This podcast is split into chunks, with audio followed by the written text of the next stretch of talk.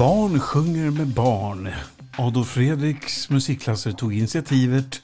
Allmän arvsfonden tog det vidare. Hör om det om en liten stund. Hon var jämt ute i korridoren och hon tjafsade ideligen. Och dessutom ska skolan få mer pengar. Hör Lotta Edholm, skolministern i Skolpodden i Stockholm. Och jag heter Björn Fridlund och ni är mycket välkomna hit. Ja, ni vet ju vid det här laget att vi har en del i Skolpodden i Stockholm som kallas för Min skoltid. Och den här gången så har eh, det blivit skolministerns tur. Det vill säga Lotta Edholm som vi hälsar mycket välkommen till Skolpodden i Stockholm. Tack så hemskt mycket. Det är ju jättekul att få vara med i utbildningsförvaltningens podd. Ja, det är faktiskt lite grann din gamla arbetsgivare i Stockholms stad. Saknar du dem? Det gör jag faktiskt hela, hela tiden. Eh, jag var så aktiv så länge i Stockholms stad så att, att eh, det är klart att jag saknar framför allt skolorna och mötena med rektorer och lärare och så vidare. Men nu får jag ju möjlighet att träffa lärare från hela landet. Mm. Är det den stora skillnaden så att säga? Att du kommer lite längre ifrån just kärnan då? När du har blivit skolminister? Ja, det skulle jag säga. att Det är såklart en skillnad för att det är svårare att, att hinna med och vara ute i, i skolor på det sättet som jag var när jag var skolborgarråd. Men du, vi ska ta och backa till eh, din skoltid. Det är ju det det här handlar om i första hand. Eh, när du gick in i skolan första gången? Ja, det var en, en, ett litet samhälle utanför Västerås som hette Barkarö. Och där var det en, eh, en Eh, låg och mellanstadieskola, väldigt klassisk, två, tvåparallellig. Och när jag började så, jag är ju född i mitten av 60-talet och det var ju väldigt stora barnkullar eh, då, så att då hade man ju inte hunnit bygga ut skolan. Så då gick jag i en barack och den baracken var väldigt fin, tyckte vi barn i alla fall. Eh, och sen så småningom då så byggdes det en ny skola också. Tyckte du om att gå i skolan? Blandat skulle jag säga. Eh, jag var ganska eh, pratig, precis som nu. Jag tillbringade en hel del eh, tid i korridoren för att jag pratade för mycket. Och jag tyckte väl att skolan ibland jag hade ganska lätt för mig eh, sådär, låg och mellanstadiet rafsade jag igenom rätt lätt. Men ibland att det kanske var lite trist, det var lite långsamt och sådär. Vad, vilka ämnen var det som du kände att det här brinner jag lite mer för? Alltså kan du minnas det när du gick i lågstadiet, att det här tyckte jag var kul? Eh, jo, men jag var väl redan då intresserad av liksom det som, som vette mot samhällskunskap och så vidare, snarare än det som vette mot matematik och naturvetenskap. Men det som jag, ett, ett sånt ändå intressant minne som jag kanske inte tror att alla har, det är att jag kommer ihåg när jag lärde mig läsa. För jag hade nämligen någon slags idé om att jag inte skulle lära mig läsa förrän jag började skolan. Så jag, när min mamma eh, liksom lärde mig bokstäver och så, så, så sa jag till henne, nej men lära sig läsa det gör man i skolan. Eh, och därför, så, jag kunde alla bokstäver men jag hade aldrig förstått hur det eh, hur det hängde ihop eller hur man satte ihop den. Så jag kommer ihåg att vi lärde oss först, tror jag, bokstaven O och sen bokstaven S. Och sen fick man ljuda ihop det där så att det blev OS. Och jag kommer fortfarande ihåg att jag tänkte, nu kan jag. Men du, då kommer jag att tänka på lite grann det som eh, när man följer dig i debatten. Så eh, du återkommer ju till det här hur viktigt det är att läsa och skriva. Alltså, kan man spåra det till den där aha-upplevelsen på något sätt? Att den färgat dig? Jag har ju alltid eh, älskat att läsa. Eh, så att eh, min, mina föräldrar läste otroligt mycket för mig långt innan jag själv kunde läsa och långt efter det att jag kunde läsa själv. Möjligtvis så var det så, nu är det här en efterhandskonstruktion, men möjligtvis så är det så att jag också i den stunden förstod att jag kunde ta kontroll över mitt eget läsande. Och det kan jag känna ibland kanske är lite sorgligt med barn och ungdomar som inte läser och som inte hamnar i den där bokslukaråldern. Att de inte riktigt förstår att det är ju en helt egen värld som alla andra runt omkring faktiskt inte har tillträde till. Och att det är någonting väldigt speciellt med det. Och det tror jag möjligtvis att jag kände också i den, i den stunden att nu nu förstår jag hur man läser, nu kan jag bestämma själv vad jag ska läsa. Jag kan gå hem eller gå till skolbiblioteket och bara ta en bok och så kan jag läsa. Jag kan inte låta bli att tänka tillbaka på en annan gäst som vi har haft i skolpollen i Stockholm. Den inte helt okända fotbollsspelaren Dejan Kulusevski som eh, är en bokslukare av rang. Han ser liksom rikedomen i att lämna sociala medier för att läsa böcker. Det är ju helt rätt dessutom. Eh, det är klart att sociala medier, det finns ju många problem och många fördelar med sociala medier. Men ett problem är ju att det tar tid från annat. Det tar tid från små barns rörelse. Det tar tid från barn och ungdomars läsning på ett sätt som jag tror kommer att påverka oss negativt framgent. Jag är rätt övertygad om det, tyvärr. När du tittar tillbaka, alltså vi ser från hela din grundskoletid, finns det någon eller några vuxna, behöver inte vara en lärare, som har gjort något särskilt intryck på dig? Det gör det ju absolut. Jag hade ju den stora fördelen att i låg och mellanstadiet så hade jag ju en lågstadielärare och en mellanstadielärare som båda var eh, fantastiska lärare. Eh, eh, och de betydde ju väldigt mycket både kunskapsmässigt men också socialt från en, den klass som jag gick i som var väldigt blandad och rätt eh, rör, rörig på många, på många sätt. Eh, så så att det var ju en stor fördel när jag sen kom till högstadiet, för det var en, en katastrof. Och jag tror att det ibland, så det finns en diskussion ibland att ja, men lärare mm, behöver inte vara behöriga och en, eh, en, en lärarvikarie kan vara precis lika bra som en, en legitimerad lärare och så vidare. Och det där kan ju gälla, det kan ju vara så på individnivå. Men jag har då gått i en högstadieskola där jag hade en enda lärare i tre år och där åtminstone hälften av alla lärare var obehöriga. Det var inget bra, även om det naturligtvis var så att bland alla de där obehöriga lärarna som var ja, sju år äldre än vad vi var, höll jag på att säga, så fanns det ju stjärnor naturligtvis. Men generellt sett så har det där lett mig att anse att det är otroligt viktigt med utbildade lärare i skolan. Var det ett givet val att engagera sig politiskt? Med tanke på att du sa att du hade ett intresse redan väldigt tidigt för samhällsfrågor. Nej, det, var, det är alltid svårt att veta i efterhand.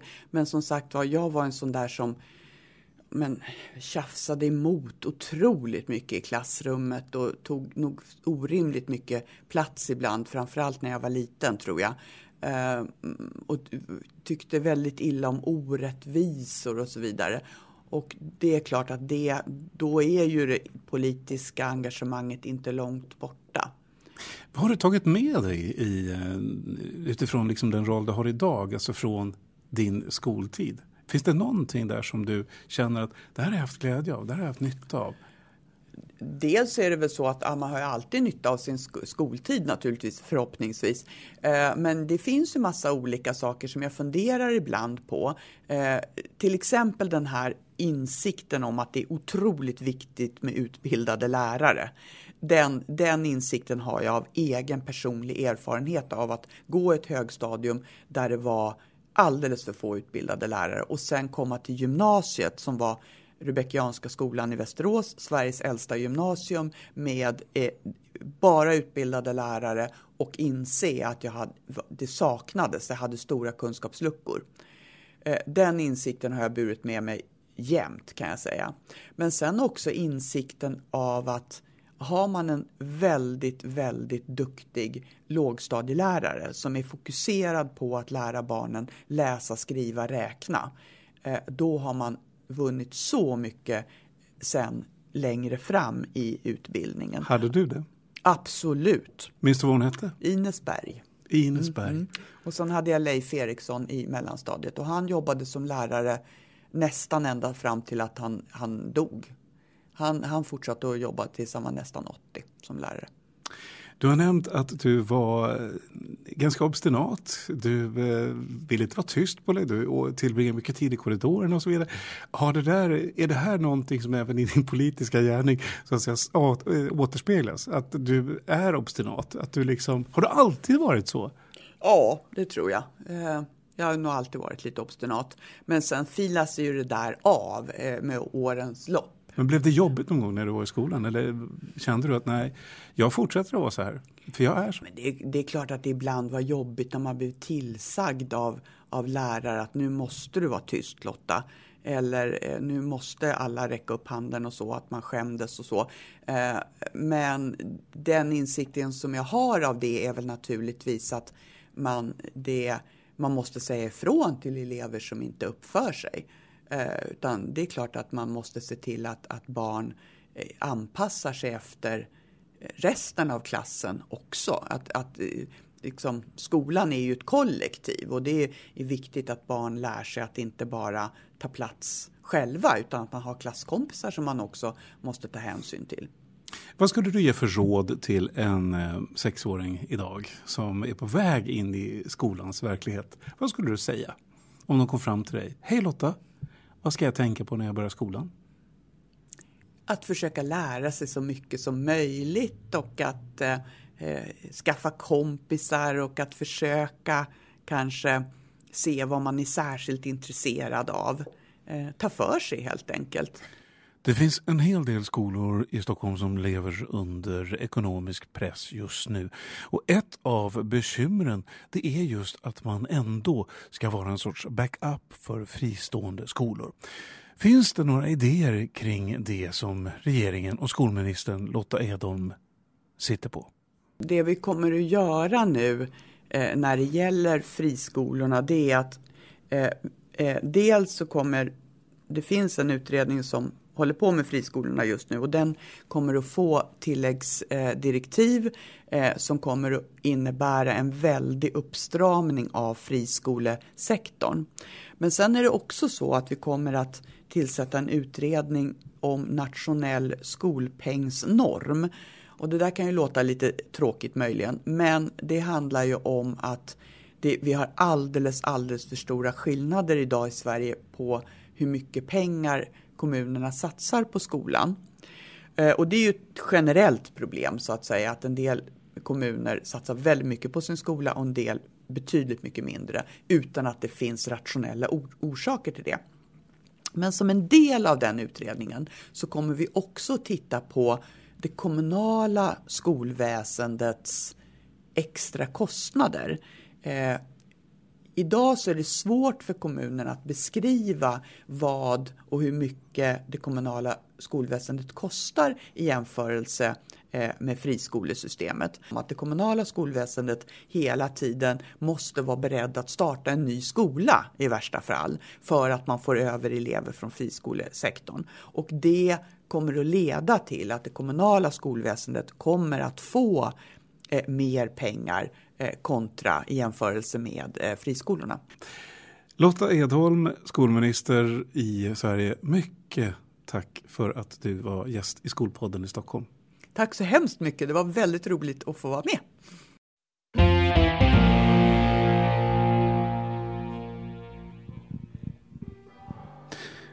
Det är lite spännande för att jag är i omklädningsrummet precis utanför där Barn sjunger med barn, projektet som vi ska berätta om. De repeterar just nu och de sjunger Lales Goliat. Så att, vet ni, jag smyger in lite försiktigt så får ni lyssna lite grann på hur det låter när de sjunger denna fantastiska låt.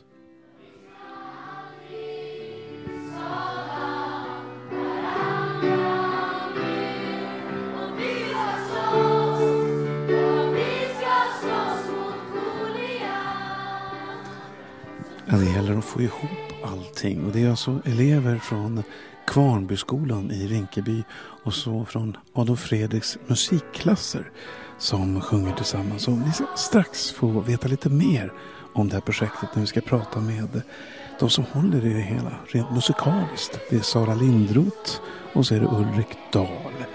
Och Sara hon är från Adolf Fredrik och Ulrik är från Kvarnbyskolan. Det här är ett projekt som är initierat av föreningen Adolf Fredriks musikklasser och sen finansierat av Allmänna arvsfonden. Det är ett treårigt projekt och vi är nu inne i vårt första år, eller vi har precis avslutat egentligen vårt första år. Eh, barn sjunger med barn handlar om att barn i olika skolor och från olika områden får möjlighet att träffa varandra och sjunga tillsammans. Och så, så liksom utforskar vi hur, Eh, hur man kan möjliggöra för fler barn att få tillfälle att eh, sjunga och träffa varandra. Det säger alltså Karin Knutsson som är projektledare för Körcentrum Ung. Och det här är alltså första året men det är tänkt att det här ska vara återkommande samarbete mellan olika skolor som har lite olika förutsättningar. Och det här är tänkt att det ska utmynna i en stor konsert. Precis, vi laddar nu här för den fantastiska stora gemensamma konserten i Kungasalen på Kungliga Musikhögskolan den 2 maj. Då ska alla 360 barn stå på scen tillsammans från alla de här skolorna. Det är alltså Adolf Fredriks musikklasser, Husbygårdsskolan, Kvarnbyskolan, Herrestaskolan och Ålstaskolan som tillsammans sjunger ihop. Barn från årskurs 2, 3 och 4.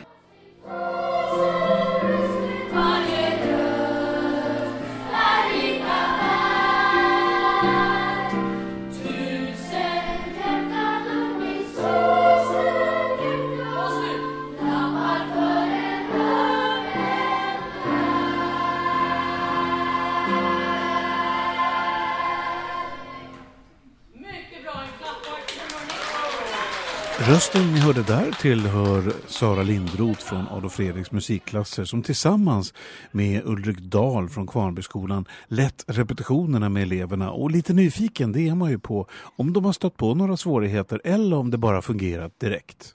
Det svåra är väl egentligen, jag tycker egentligen inte att det har varit så svårt. Eh, för Ulrik och jag vi träffades för första gången här på Kvarnby och det liksom funkade direkt tyckte jag med vårt samarbete och i och med det så kör man liksom bara. Det är mina ungar, det är hans ungar och så kör vi. Så jag har inte riktigt sett några svårigheter så liksom rent musikaliskt eller så. Nej. Vad står utmaningen i då? Nej men alltså jag tycker egentligen att vi måste bara behandla alla barn precis likadant men förutsättningarna är ju ofta olika. Hur känner ni av det här mötet som, eh, som du på något sätt berättar om eller illustrerar? Hur känner ni av det? Men man kan väl säga att det är två olika kulturer som möts och att det finns alltid en viss spänning i det. När vi väl börjar sjunga så är vi ganska lika. Ja, det är ett härligt möte onekligen. Eh, Sara, vad, hur valde ni låtarna? Vi valde, det har varit en liten blandning. En del förslag har ju kommit från Ulrik. Vi satte oss ner och tänkte över vad, vad finns det för sånger som har ett budskap? Nu har det ju blivit en bredd från eh, svensk folkmusik till alldeles Goliat. Så det är ju en väldig liksom, genrebredd i det vi gör. Det känns som också att ni, ni, ni ställer ju krav på eh, kören och mm, eleverna att de faktiskt gör sitt bästa och anstränger sig. Och du Ulrik, du gick igång lite grann här under repetitionerna just för att de skulle förstå vad man faktiskt sjunger. Och då var det Goliat som ni repeterade. Eh, är, det, är det viktigt för dem att verkligen förstå vad det är de gör. Händer det någonting när de gör det till slut? Ja men det påverkar ju också rösten om man vet vad man sjunger om och förstår varför vi sjunger om det. Så texten är oerhört central och det här är ju också ett arbete som är språkstärkande. Språkstärkande ut i våra områden där de behöver språk, språk, språk och musik är det bästa sättet att nå det där språket. Där hörde ni Ulrik Dahl från Kvarnbyskolan och dessförinnan Sara Lindroth från Adolf Fredriks musikklasser. Men vad tycker då eleverna? Här är två stycken elever från Adolf Fredrik. Eh, att man får sjunga med barn som liksom man inte har känt förut och att det är jättekul att få göra det. Tycker du likadant då? Eh, ja, det är jättekul att få lära känna mer personer. Men hur går det då när ni repeterar? Har allting fungerat som det ska? Nej, ibland får man köra om några gånger för allt kan ju inte gå perfekt varje gång. Men eh, oftast så går det väldigt bra. Är det svåra låtar? Nej, alltså jag känner till ganska många av dem. Så, ja. Ulrik tjatar ju lite grann på er när ni sjöng Goliat här, att ni skulle förstå texten. Tänker ni på det när ni sjunger att vad handlar den här låten om egentligen? Alltså ja, det ska ju handla mer om typ att man ska ta över världen och sånt. Och man ska låta lite stark.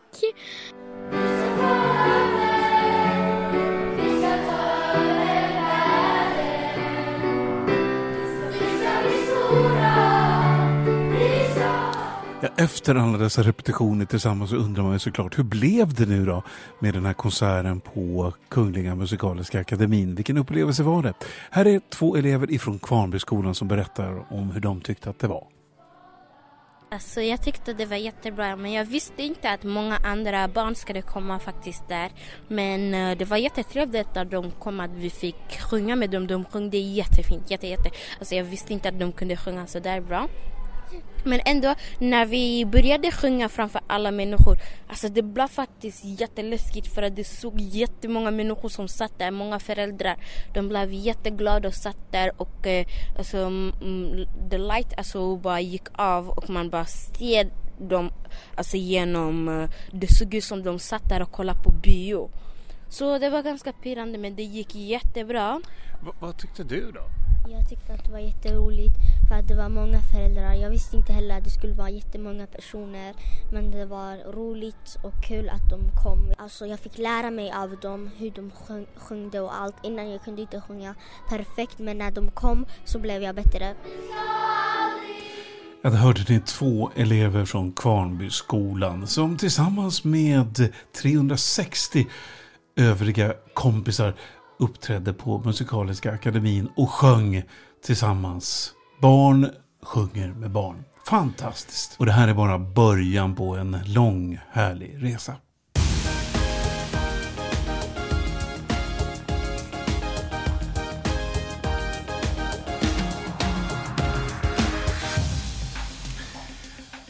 Ännu en gång har musikens makt visat att den är så stark.